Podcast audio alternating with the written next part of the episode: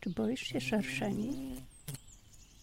Jeżeli uważasz szerszenie za zbyt niebezpieczne owady, z którymi nie chcesz mieć nic wspólnego, to być może warto, abyś zapoznała się z tym podcastem. Dziś opowiem Ci o całkiem nurtującym pytaniu, wziętym właściwie z Google'a. Czy szerszenie śpią? To jest pytanie. Ale mam też nadzieję przybliżyć Ci trochę bardziej życie szerszenia w taki sposób, aby nie budził postrachu. Cześć, słuchasz podcastu Całkiem Nudne Życie o ucieczce z miasta na wieś, zwierzętach i etyce. Ja nazywam się Rachela. A ja nazywam się Krystyna. Zapraszamy.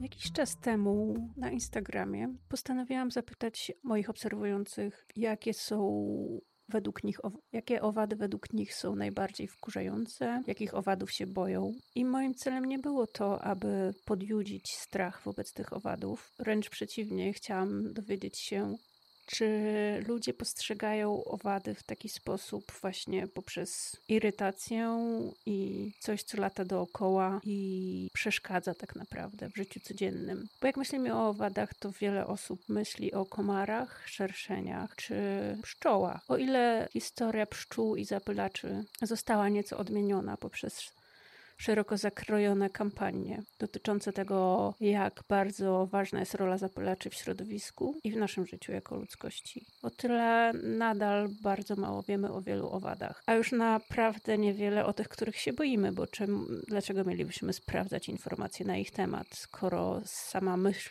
o nich powoduje gęsią skórkę. Ja mam właśnie trochę inne podejście do tego. Jeżeli czegoś się boję albo tego nie rozumiem, to staram się poznać to jak najlepiej, aby wiedzieć, czego tak naprawdę się boję. Od jakiegoś czasu moje zainteresowanie skierowane jest mocno na owady. Zaczęło się to w momencie, gdy usłyszałam pierwszy raz o hodowli przemysłowej owadów. W moich poprzednich odcinkach możesz posłuchać wielu informacji na ten temat, ale coś więcej mnie do nich zaczęło przyciągać i poszło to w tym kierunku, że zaczęłam robić im zdjęcia, zaczęłam się pochylać nad nimi zauważyłam, jak interesujące są to zwierzęta.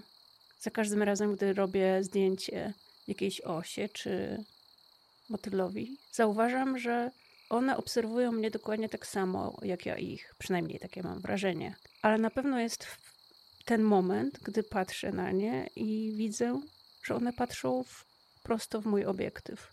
Jest to coś niesamowitego, ponieważ w normalnym, codziennym życiu nie zauważamy owadów.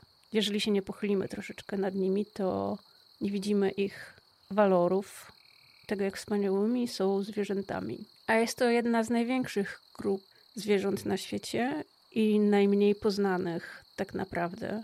Istnieje jeszcze wiele gatunków, które nie zostały sklasyfikowane, ale o tym można posłuchać w moich poprzednich podcastach.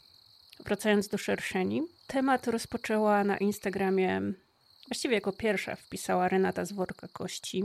Polecam jej podcast kryminalny, bardzo lubię. Bardzo lubię głos Renaty i uwielbiam słuchać jej przed snem, pomimo iż historie są czasami przerażające. Renata napisała, że ma taką traumę z dzieciństwa, że się ich bała.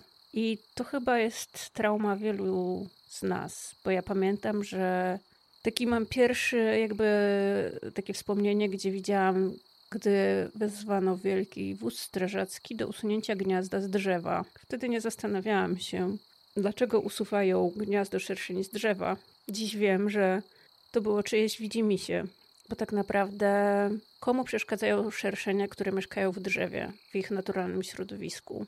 Rozumiem, że to drzewo było nad chodnikiem i ktoś się ich bał, ale tak właśnie zabieramy przestrzeń zwierzętom i tak właśnie one zbliżają się do nas coraz bardziej, ponieważ zabieramy im naturalne siedliska, a one chcą gdzieś żyć. Jeszcze większym niezrozumieniem było to, że aby usunąć gniazdo szerszeni potrzeba jest tylu strażaków.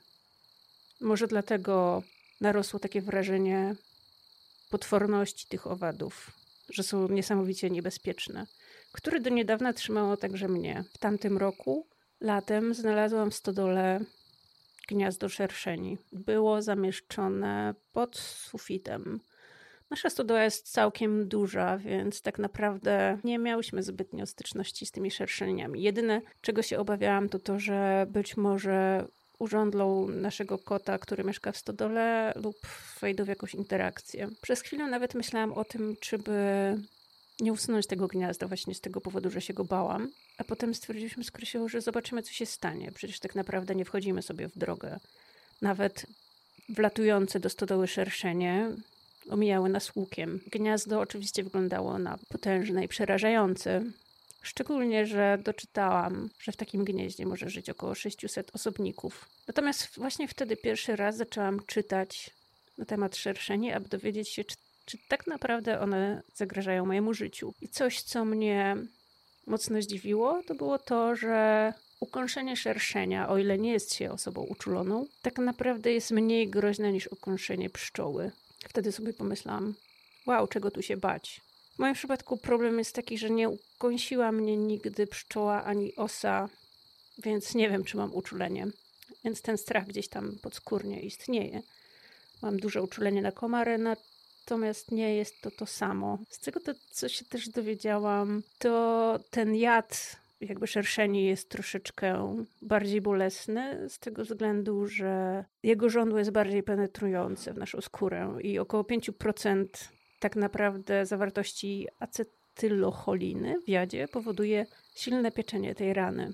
Pewnie zadajesz sobie pytanie, czy szerszenie mają jakąś rolę. Jest to bardzo popularne pytanie przy owadach, które nas wkurzają jak komary na przykład, ale my o tym może w innym odcinku. Niektórzy twierdzą, że ciężko określić, ponieważ żywiąc się na przykład muchówkami, które są około 90%, w 90% ich głównym pożywieniem, teoretycznie zjadają inne szkodniki, które wpływają na, nie wiem, uprawy i tak dalej. Jednak zdarza się, że szerszenie polują na pszczoły. Nie wiem, na ile to jest prawdziwe. Słyszymy o takich doniesieniach gdzieś o japońskich szerszeniach, które odgryzły głowy sta, sta, stadzie pszczół. Nie zbadałam tego tematu, więc niewiele wiem. Być może ludzie ze strony dzicy zapylacze wiedzą więcej. Polecam wam obserwować ich stronę. Wiele można się z tego, e, z tej strony ciekawych rzeczy dowiedzieć. Innym problemem dla wielu osób jest to, że nadgryzają dojrzałe owoce i dlatego wiele osób postrzega ich jako szkodniki.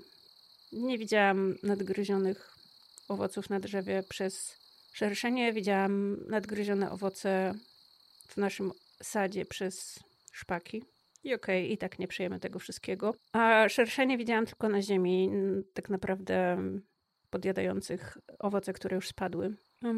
I jak ze wszystkimi zwierzętami, coś, co jest blisko nas, blisko tak zwanych naszych gospodarstw, może być uważane jako intruz ale wspomnę jeszcze raz, to my tu jesteśmy intruzami tak naprawdę. To my zabieramy naturalne siedliska wielu zwierząt. Co ciekawe, w wielu krajach szerszenie, w Niemczech i także chyba w Austrii, są pod ochroną. Wbrew pozorom, przynajmniej z tego tak jak e, wyczytałam, ich obecność obok uli pszczół może być czasem nawet pożyteczna, ponieważ polują na ćmę, która szkodzi e, zapylaczom. Zacytuję tu tekst ze strony e, dotyczącej mm, ochrony szerszeni. Niewiele osób zdaje sobie sprawę, że szerszenie są zadziwiająco spokojnymi zwierzętami. Nawet bardziej nieśmiałymi niż pszczoły miodne, które wolą unikać konfliktów. Naukowo udowodniono, że urządlenia szerszeni nie są bardziej niebezpieczne niż pszczół i os. To ich znaczne rozmiary, królowa do 305 mm, i głośne odgłosy lotu wywołują niepotrzebny strach. Myślę, że wiele zależy też od naszego zachowania. I jeżeli opędzamy się od szerszeni, machamy e, rękami, jakakolwiek ingerencja może się e, nieprzyjemnie skończyć, ponieważ drażnimy zwierzęta, które próbują się bronić w tym momencie. No i na koniec to najbardziej nurtujące pytanie: czy szerszenie śpią? W sumie nie zastanawiałam się nad tym nigdy, ale być może ktoś ze strachu chciał wiedzieć. Mamy tu zbyt ogólne pytanie, bo może dotyczyć tego, czy szerszenie śpią w ciągu doby oraz tego, czy idą spać na przykład w okresie zimowania. Tak więc, jeżeli chodzi o aktywność ich w ciągu doby, to potrafią pracować przez 22 godziny, więc tak naprawdę niewiele czasu zostaje im na sen. Natomiast jeżeli chodzi o ich przebudzenie, natomiast jeżeli chodzi o sen zimowy, Samice zapłodnione poprzedniego roku budzą się wczesną wiosną z letargu i od razu zaczynają budować gniazdo. Mm, to przed nimi stoi wybór najbardziej bezpiecznego miejsca.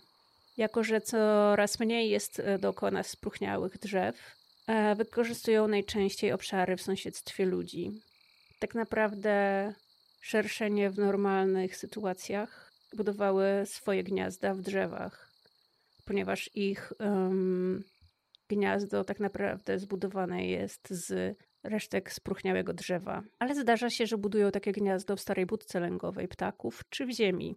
Jak już wspomniałam, typowe dla nich jest mieszkanie w drzewach, szczególnie w lasach e, liściastych i w dziuplach dębów, których pozostało już tak mało. Jeżeli chodzi o urządlenia, nigdy nie miałam, mam nadzieję, że też nie będę miała jakby możliwości przekonać się, jak to boli, to jak na wszystko chłodzenie tego miejsca działa kojąco. W wyjątkowych przypadkach oczywiście może to wywołać reakcję alergiczną i wtedy warto skonsultować się od razu z lekarzem. Mm, jeżeli następuje oczywiście większy obrzęk i zaczerwienienie. I to chyba już wszystko w skrócie o szerszeniach. Wiem, że nie jest to pełna wiedza, każdy gatunek można studiować osobno i dowiadywać się o nich coraz nowych, nowszych rzeczy. E, jak wspomniałam, owady to zwierzęta, o których wiemy jeszcze tak bardzo mało, więc zachęcam Cię do poszukiwania informacji, poszerzania swojej wiedzy, a być może wtedy właśnie przestaniesz się ich bać. Mam nadzieję, że chociaż odrobinę przekonałam Cię do szerszeni. Renata daj znać, czy Twój strach odrobinę się zmniejszył po tym podcaście, czy wpłynęło to jakoś na Twoje postrzeganie szerszeni. I zapraszam Cię do kolejnego odcinka. I to już wszystko w tym odcinku podcastu Całkiem Nudne Życie. Ta audycja powstaje dzięki wsparciu patronek i patronów hodowli słów. Jeżeli chcesz, to również możesz wesprzeć naszą działalność dowolną kwotą na serwisie Patronite lub Buy Coffee Too. Dzięki temu wsparciu wspieramy lokalne zwierzęta i pomagamy tym dzikim, jak jest Maciek. Zapraszam Was na kolejne odcinki. Do usłyszenia.